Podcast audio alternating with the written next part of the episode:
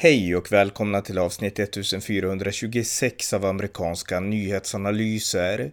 En konservativ podcast med mig, Ronny Berggren, som ni gärna får stödja på swishnummer 070-30 28 95 0. Här följer en uppdatering om det senaste i USA tillsammans med min kollega Björn Nordström. Varmt välkomna! Björn Nordström, välkommen! Tack så mycket. Vi ska uppdatera lite grann om det senaste som hänt i USA och eftersom du bor i USA så kan du börja med, med något intressant som kanske hänt i Arizona. Uh, kanske? Ja, jag tänkte vi kan ja, jag tänkte, um, jag tänkte ta upp det här med, det finns väl inget sådant direkt nu som hänt i Arizona de senaste dagarna. Men den här uh, infrastrukturomröstningen verkar ha gått igenom nu i alla fall i kongressen. Så Nancy Pelosi fick väl en stor seger där kan man väl tycka och även Joe Biden lyckas få en seger där kan man tänka sig. Många, jag tror det var 12 republikaner och där som röstade ja för den. Men mm. det intressanta är att vänstern, vänstern med Alexandra Ocasio-Cortez i spetsen, röstar ju nej. Så nu tydligen så, henne, så AOCs popularitet i New York, i hennes hemdistrikt i New York, nu har börjat gå ner rejält därför att New York skulle då få, tror jag, delstaten New York skulle få då 100 miljarder dollar av de pengarna tror jag för att rusta upp sin infrastruktur. Och för den som har varit i New York på senaste tiden Uh, vet att infrastrukturen i New York, om, oavsett om det är broar eller tågstationer eller vägar eller, eller tunnelbanor, det är, det är bara skräp alltså. Det håller på att falla sönder och stamma där. Mm. Så att uh, hur hon, hon kommer få det tuffare nu uh, politiskt sett i delstaten och hennes hemdistrikt därför att hon inte vill upp, rösta upp Ja, och det, det, det, fanns en, det fanns en annan kongresskvinna också som tillhör samma progressiva falang som heter Pramila eh, Jayapal, heter hon, från, från Washington, delstaten Washington. Och eh, hon var också emot den här liksom infrastruktur, ja, förslaget av, av, jag vet inte exakt varför, men de tycker väl att de vill baka in progressiva saker. Jag menar, hade det gjort så hade ju republikanerna sagt nej. Så att Nancy Pelosi har, väldigt, har gått en mellanväg här, men alltså de progressiva trycker på liksom bromsen, utan tvekan. Ja, visst. Eh, de vill också ha mer pengar. De vill ha, att det skulle vara större. Jag tror, jag tror de vill ha närmare tre, eh, tre typ tre gånger så mycket pengar. Eller något sånt där. Så de vill ha mer pengar och mer liksom av sina favoritsaker. Så Pelosi tror jag, hon fattade. Hon, hon, är, hon är smart alltså, Pelosi. Hon begrep ju att hon kan förlora fyra, jag tror det var fem eller sex röster. Så hon kan förlora fem, sex demokratröster. Men hon plockade istället upp ett dussin republikanska röster. Så hon insåg att allt handlar ju om matematik i grunden, så är det ju bara. Mm. Så hon insåg ju då att spelade de matematiken rätt genom att, att, att, att, att spjärna emot vänstern och istället få över massa, några, ett dussin republikaner så, så matematiskt sett får hon igenom sin vilja. Mm. Ja, precis. Eh, en annan sak som vi kan gå in på lite kort är ju att 750 eh, 000 amerikaner har dött i corona och Joe Biden han har föreslagit ett vaccinationsmandat som ska starta den 4 januari och det kommer att påverka alltså inte bara federala anställda utan även privata företag med 100 eller fler anställda. Ja. Och då är det så att om man inte vaccineras, alltså man tvingas inte att vaccineras, men om man inte låter sig själv vaccineras, då ska man eh, coronatestas varje vecka och gör man inte det så förmodar jag att, eh, ja, jag vet inte vad som kommer hända, om man får sparken eller inte får komma till jobbet eller någonting. Så att det här är ju liksom en, en federal order från regeringen och jag tror att det är en domstol som har sagt att det här, det här går inte så att det verkar bli en domstolsprocess eh, av det här också då. Ja, det var den femte, Fifth Circuit Court som är i New Orleans. Det är en konservativ. Det, är, det, det började med, det var, jag tror det var delstaten Texas som stämde federala myndigheterna. Och det är inte speciellt förvånande att, att det är en man, när man stämmer, då gäller det ju att stämma då. Man måste vara strategisk lite grann. Så till exempel när, när Demokraterna, vänsterliberaler vill stämma federala myndigheter som Trump, det skedde ofta på västkusten därför att um, Ninth Circuit Court i, uh, och, och, och västkustdomstolarna är mer liberala, vilket gör att, att utfallet blir mer sannolikt uh, åt liberalt håll. När det gäller istället saker och ting som man stämmer Biden för, mot nu, för nu så gäller det att, uh, att stämma i södern därför att då blir det mer konservativa utfall istället. Med andra ord, var den här femte circuit court um, förbjöd, har just förbjudit uh, att Bidens lag får gå igenom.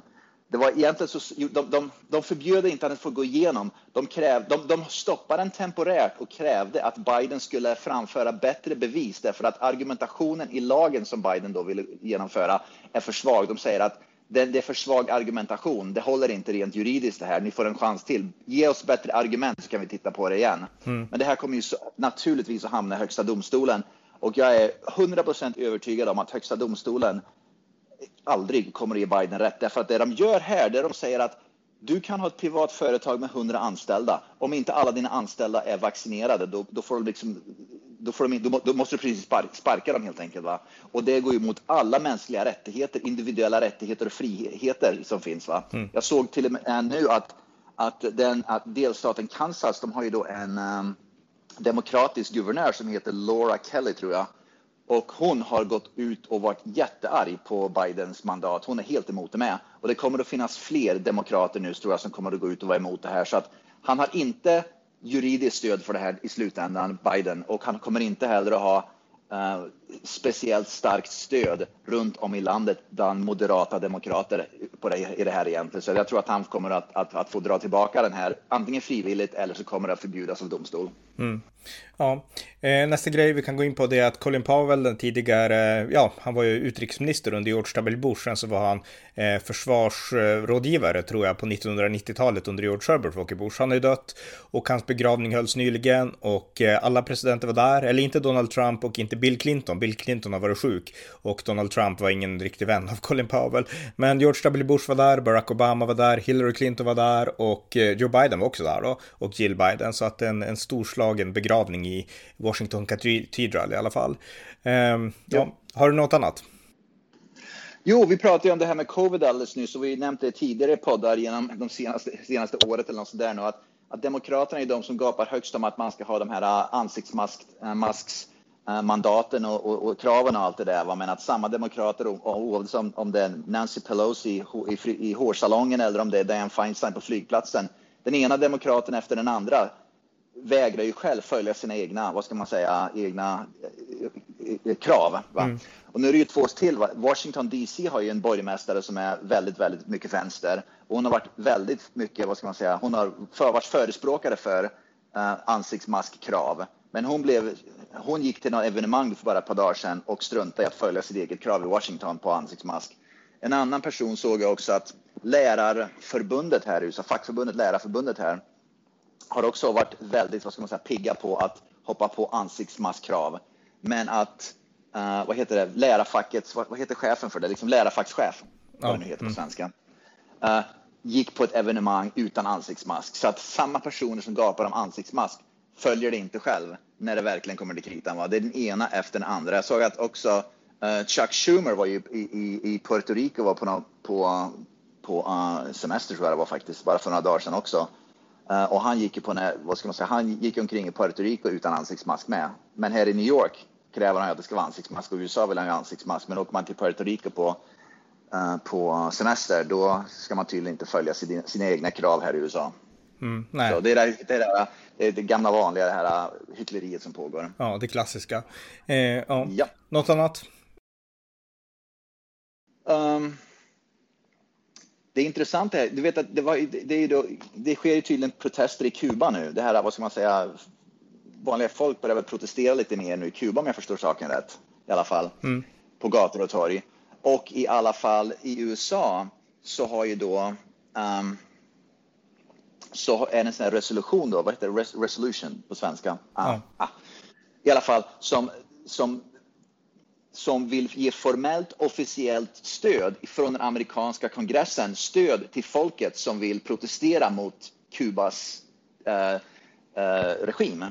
Men det intressanta är att vänsterfalangen då med AOC i spetsen, de här och, och Rashida Tlaib och vad heter den här uh, islamisten från Minnesota nu igen? Ilan Omar. Omar. Mm. De vägrar ställa upp på att officiellt ge folkstöd uh, mot regimen i Kuba. De vill inte gå med på den resolutionen.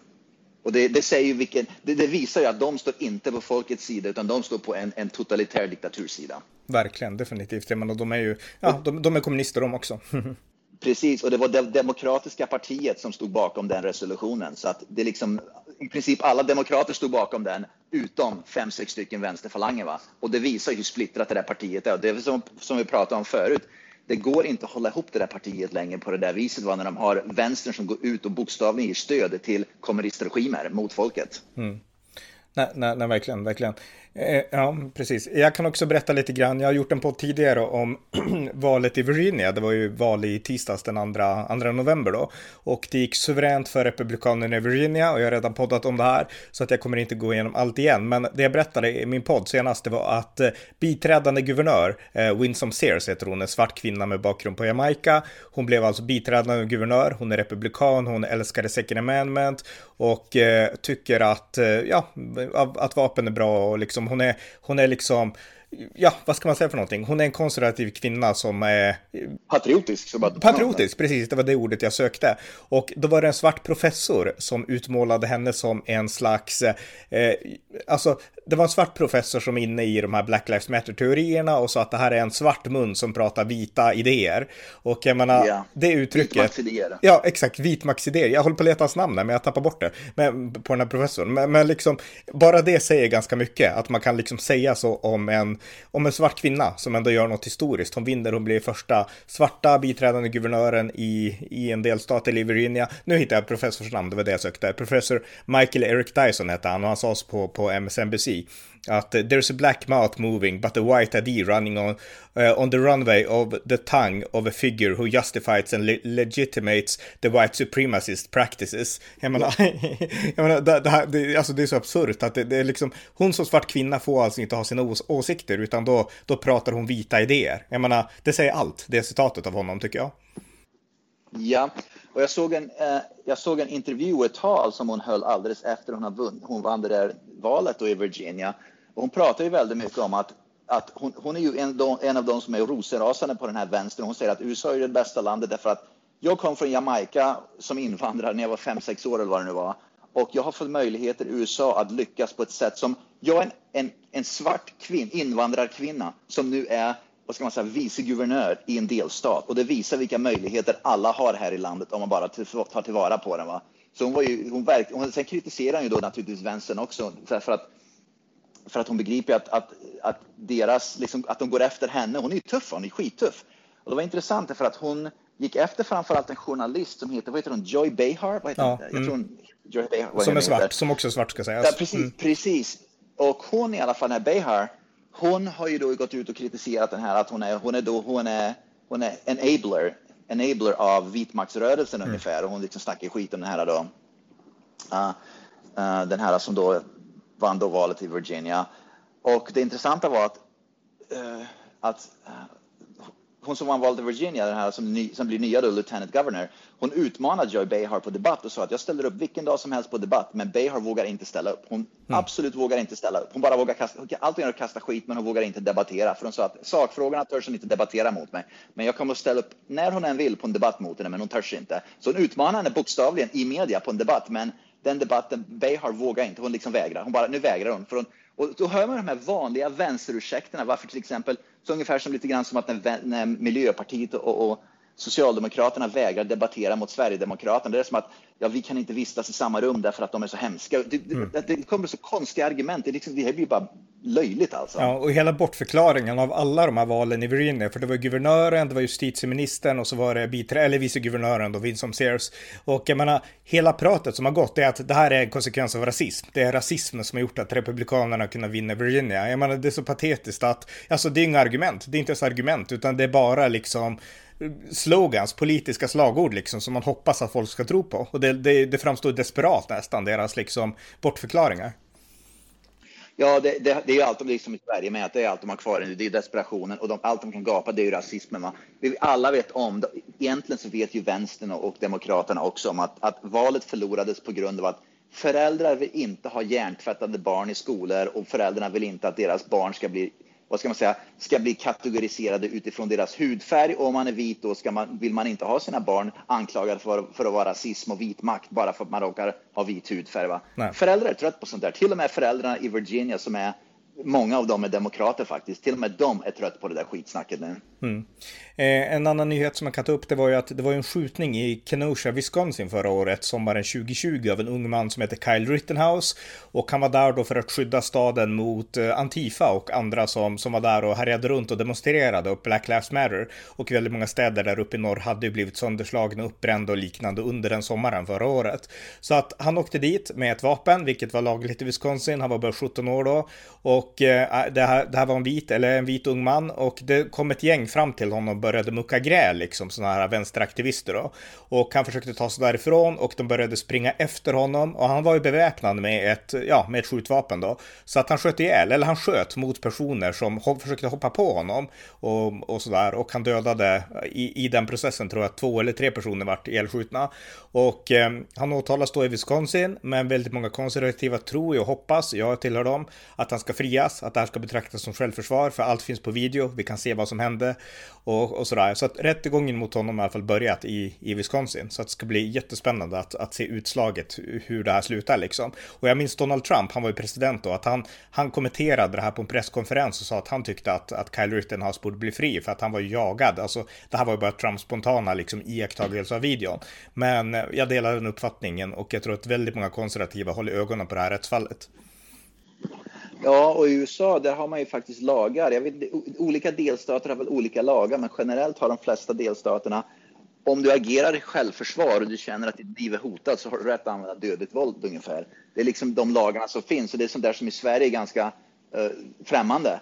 Så det ska bli intressant att, att se hur det här går. Jag skulle inte bli, och det är därför väldigt många poliser framförallt frias, men även då uh, vanliga människor som blir attackerade på gatan eller i sitt hem eller vart det nu än är. Att, att, att om, om, om det är självförsvar, då har du rätt här i USA att använda dig av övervåld för att försvara dig. I Sverige är det som att oh, du använder dig av övervåld, nu är det du som åker in i finkan istället. Men här i USA då får du använda dig av rejält med våld och även övervåld mm. för att försvara dig helt enkelt. Så det ska bli intressant här. Ja, en sak till också innan du får ta vid igen då, det är att det var ju inte bara val i Virginia utan det var även val i New Jersey och det var jättenära att en republikan skulle vinna där. Han gjorde inte det utan demokraterna kommer fortsätta styra guvernörsposten. Men det som hände det var att delstatssenaten, deras eh, långtida president, delstaten i New Jersey som är en heldemokratisk delstat i princip, eh, deras demokratiska president Steve Sweeney som hade suttit i tio tio år. Han vart utpetad av en lastbilskille, alltså en helt vanlig knegare i New Jersey som heter Edward Durr. Och den här personen, han finansierade hela sitt primärval för blott 150 dollar. Och sen så vart det några tusenlappar ja. mer under det riktiga valet. Och han besegrade ja. alltså en av de riktiga höjdarna i New Jersey. En helt vanlig lastbilskille från gatan, ja. inget, inget känt republikanskt namn. Men han pratade bara sunt förnuft och tyckte att vad, vad, vad händer med våran, våran delstat och våran stad och så vidare. Och han vann. Ja, jag såg det också. Jag tänkte också nämna det på tal om det. Det är också många, många kommuner hade ju också val. Jag tänkte Colorado har ju blivit en demokratisk delstat och eh, jag läste framför allt en väldigt liberal, jag minns inte exakt vilken, vilken kommun det var i Colorado, men det var en liberal kommun i alla fall och det, i Colorado precis som i Virginia har det ju också varit väldigt mycket snack om det här eh, CRT, critical race theory, allt det där in i skolor och allting. Va? Mm. Men i alla fall, en av de kommunerna som har varit, haft överväldigande, eh, vad ska man säga, man, man, väljer in människor som i, i vad ska man säga, i, vad ska man kalla för school board, vilket är då, vad ska man säga, eh, Skolstyrelse. skolorna helt mm. enkelt. Precis, skolstyrelse va. Nu i alla fall, för första gången på någonsin tror jag det var, så tog uh, Republikanerna över en skolboard i en viss kommun genom val, för att de vann massa val där och petade helt enkelt Demokraterna därför att valet i den kommunen, precis som i Virginia, fast på kommunnivå i Colorado, hamna, handlade just om CRT. Och kommuninvånarna som annars röstar på demokrater röstade på republikaner just för att få in republikaner för att inte CRT ska hamna i skolor. Och det här är intressant för det visar att människor, demokrater, många normala demokrater säger att okej, okay, jag vill ha en demokratisk president, jag kan tänka mig ha en demokratisk um, guvernör.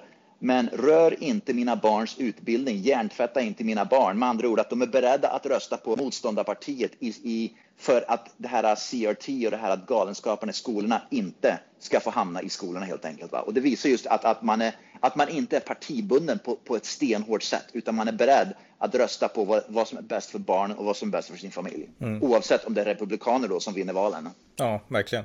Eh, något annat? Ja, eh, det var en fotbollsmatch igår. Det finns det kan vi folk kolla upp på Youtube det här i alla fall mellan Northwestern University och uh, Iowa, uh, University of Iowa, eller om det Iowa State. Northwestern tror jag ligger i Chicago. I alla fall Black Lives Matter och massa palestinier, pro-palestinier demonstranter rände, rände ner på, på fotbollsplaner och började demonstrera för Black Lives Matter och uh, för Palestina helt enkelt. Va? Så att de börjar skapa nu kaos under sportevenemang till och med. Mm. Och jag tror också att, att det, det, visar lite grann också att de är desperata. De vet att, att, liksom, att ingen bryr sig om Black Lives Matter. Här i USA man märker att Black Lives Matter har liksom börjat försvinna. Den rörelsen har liksom börjat bli mer en parentes hos de flesta. Man bryr sig inte längre. Va? Under, det, det, är väl egentligen det positiva man kan säga som har hänt under Biden, att Biden är så otroligt dålig president och, och Kamala Harris så otroligt dålig vicepresident. Att saker och ting börjar bli sämre på vad ska man säga, för vanliga människor nu. Att man orkar inte bry sig om Black Lives Matter. För nu helt plötsligt har bensinpriserna gått upp med 25 procent under de senaste sex månaderna. Va? Eh, inflationen skjuter i höjden. Så det är så många konkreta vardagsproblem som börjar framstå nu under Biden att man orkar inte bry sig längre om Black Lives Matter och klimatidiotin helt enkelt. Det, liksom är, det, är liksom, det, är nästan lite det är lyx att kunna bry sig om sånt där nu därför att problemen som finns, de är verkliga och händer varje dag liksom, i sitt verkliga liv. Va? Så det är väl inte, det positiva nu med att Biden är president, är att Black Lives Matter börjar försvinna. Därför att man kan inte bry sig längre. Man har, man har större problem att hantera helt enkelt inom, inom sin kommun, inom familjen och inom sitt privatliv. Mm. Just det. Ja, och då blir de desperata helt enkelt. Eh, Precis, och det är därför de måste springa ner på fotbollsplan och förstöra liksom matcher och sånt där för att visa att vi existerar ungefär. Mm. Men, och det, det är bara ren desperation. Om rörelsen faktiskt gjorde något nyttigt i verkligheten och hade legitimitet, då skulle, folk, då skulle de inte behöva springa ner och förstöra fotbollsmatcher, utan folk skulle stödja dem i vilket fall, därför att folk skulle bry sig om dem. Mm. Ja, visst. Eh, något annat? Jajamän, jag såg att siffran nu var um, närmare var det 300 000 migranter har släppts in här i USA under de senaste månaderna har slunkit in i USA under de senaste månaderna, liksom bara travat rakt över gränsen. Mm. Och 95 000 är, vet man inte ens vart de har tagit vägen. Jag tror vissa som kommer in, de går igenom här papp, liksom, uh, de liksom kommer över gränsen och sen så, så, så får de ju då liksom ett domstols, gå till domstolen det här datumet för att få asylärendet prövat. Va? Men närmare 100, jag tror 95 000 av dem som har, av de 283 000, 95 000 har man ingen aning om vart de tog vägen. Med andra ord, de bara kommit in och sen försvunnit in i landet. Mm. Och det är liksom Biden i ett nötskal. Det är fan, det är liksom, det är otäckt alltså. Och jag bor ju här i Arizona och jag läser regelbundet i media här där illegala immigranter begår brott, kör ihjäl någon i trafiken.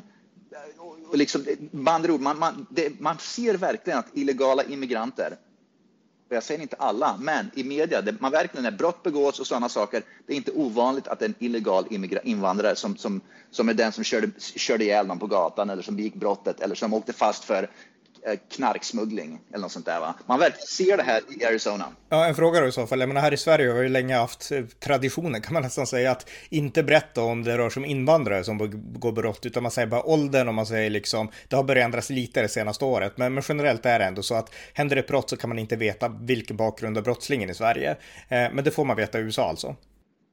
Oh, absolut, ja visst de lägger ut, de lägger ut namn, de lägger ut bild och eh, de är, om, om liksom de vet vilken status personen har, då lägger de ut det med. Det är som att den här personen är illegal invandrare och har det står till och med att den har blivit utvisad fyra gånger redan men har slunkit över gränsen igen. Allt sånt där informationen finns ju. Va? Så det, det, det, det går man ut med. Även i vänsterliberal media faktiskt så går man, lägger man ut sånt. Det är mer standard bara att man gör det.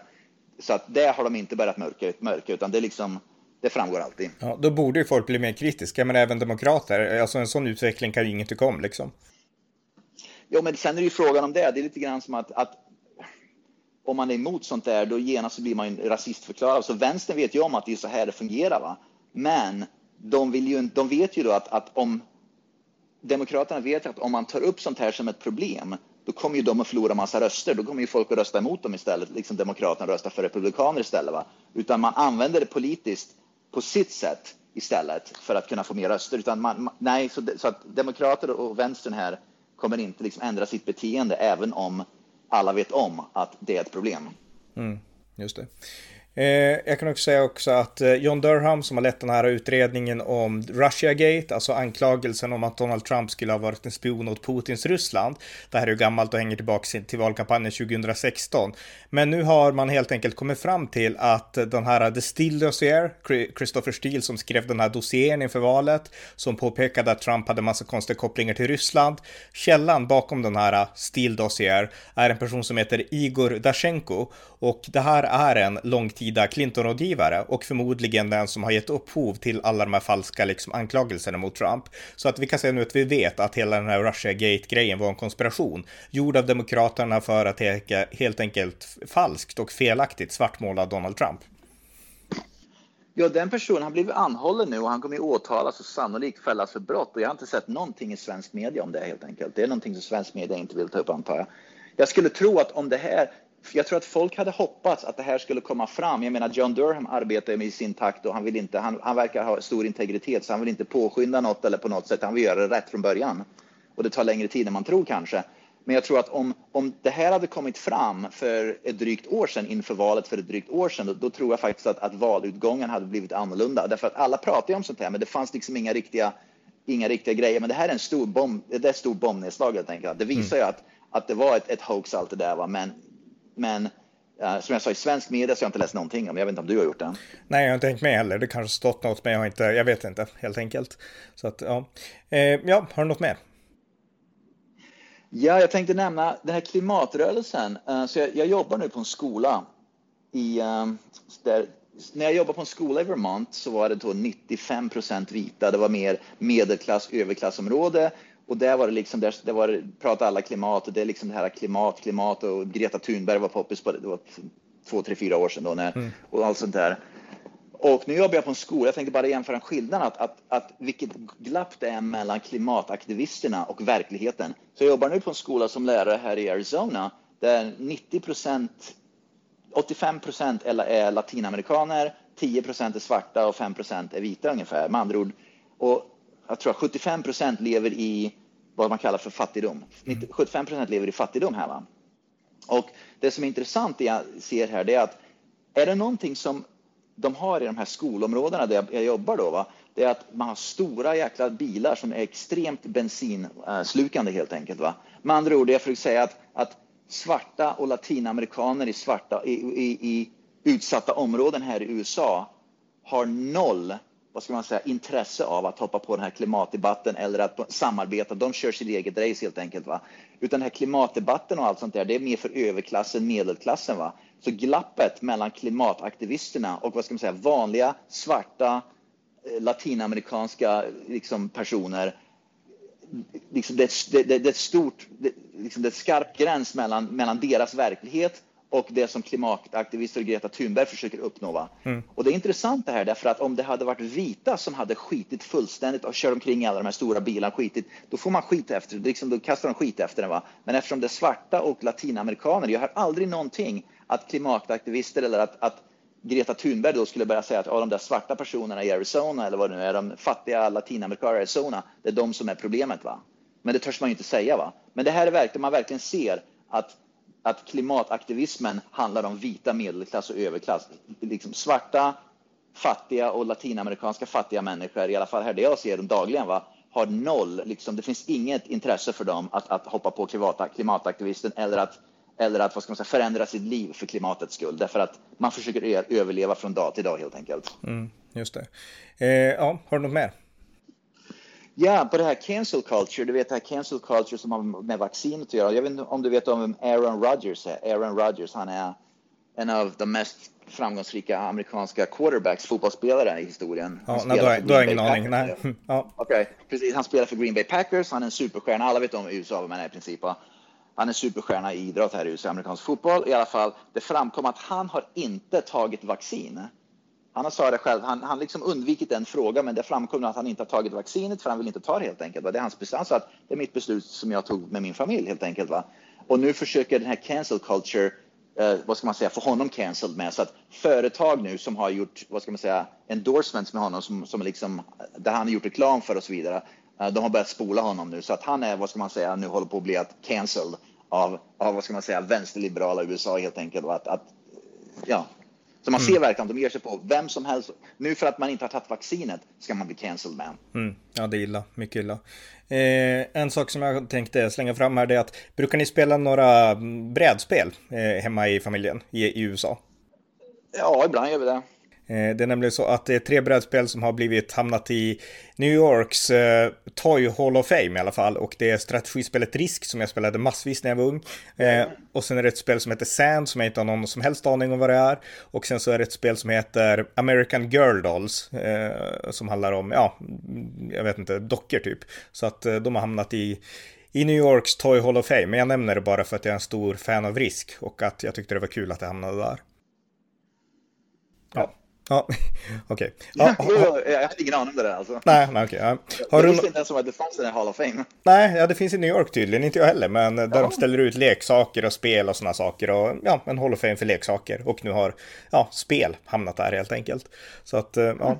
Ja, har du något mer? Ja, jag såg att den här nya borgmästaren i, um, i New York, heter han Eric Adams tror jag. En Just det, han ja. Mm. Jajamän, de, han, han, han, de hade budgetunderskott nu på jag vet inte hur många miljarder dollar det var, men han verkar vara med. Det lilla jag läste om honom, att han vill försöka städa upp nu lite grann efter de Blasio. Så han, han har ju sitt jobb framför sig. De Blasio tror jag försöker bli guvernör nu om jag inte fattar det fel. Han vill förstöra hela delstaten nu.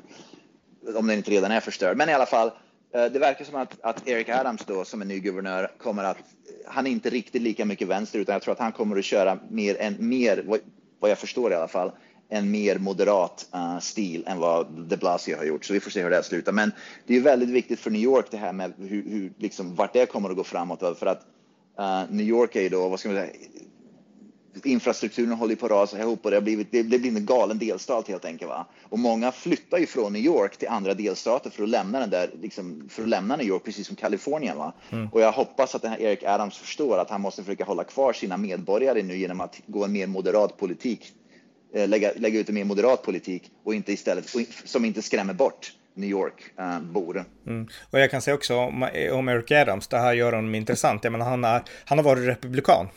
han var republikan mellan ja. 1997 och 2001. Sen tror jag att han, alltså i, i sådana här städer som New York så byter man lite grann utifrån, alltså rent strategiskt tänkande. Det är inte alltid liksom ideologin styr vilket parti du är med i. Och eh, han, han, ja, han var republikan då, sen så bytte han till Demokraterna. Så att, eh, ja, så att han är nog mer moderat, det är dit jag vill komma, för annars hade han aldrig varit republikan.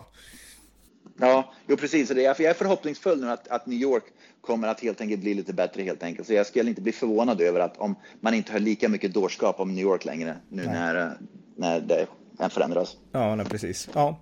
ja, har du något mer? Nej, inte idag. Nej, okej. Okay. Ja, men då så. Men tack så mycket. Tack så mycket.